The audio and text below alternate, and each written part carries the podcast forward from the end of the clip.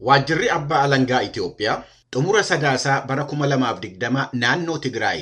Magaalaa Aksuum keessatti ajjechaa fi darara humnoota Itiyoophiyaatii fi Eertiraatiin raawwatame jedhame irratti qorannoo gaggeessuusaa eeruun ibsa torban darbe kenneen.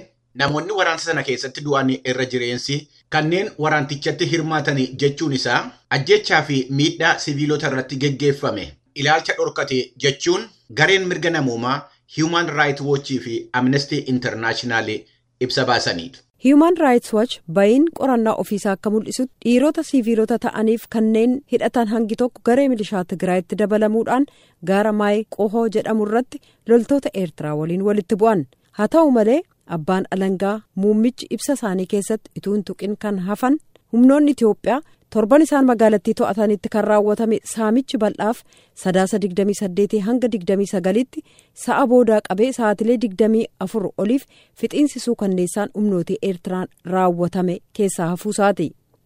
mootummaan Itiyoophiyaa sa'aatii 24 keessatti walitti bu'iinsi sun erga xumuramee booda loltoonni eertiraa jiraattota hedduu haala suukanneessaan ennaa ajjeesan siiviilota mana isaanii keessatti ennaatti dhukaasan kaanis daandii irratti ennaa ajjeefamaniif kanneen to'annaa jala turan hangi tokko ennaa ajjeefaman maaliif akka callise ibsuu qaba?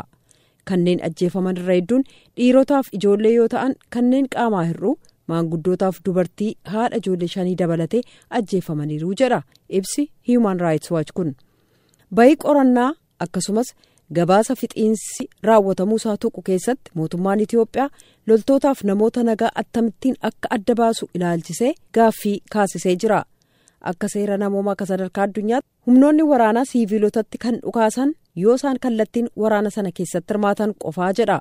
Loltoonni booji'amaniif siiviilonni to'annaa jala oolan haala namummaan kunuunsamuu qabu hin ajjeefaman yookaan dararaan addaa irra ga'uu qabu.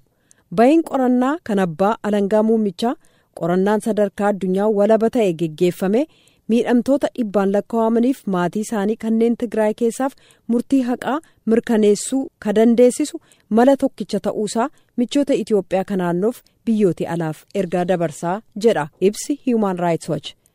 Amnestii intarnaashinaal gamasaan fixiinsa sanaan siiviilonni dhibbaan lakkaawaman ajjeefamuu galmeessee jira haa ta'u malee ibsa abbaa alangaa akka jedhutti kanneen ajjeefaman loltoota tplf gaarreen naannoo magaalattiirra turan loltoota eertiraa irratti haleellaa raawwatan jedha.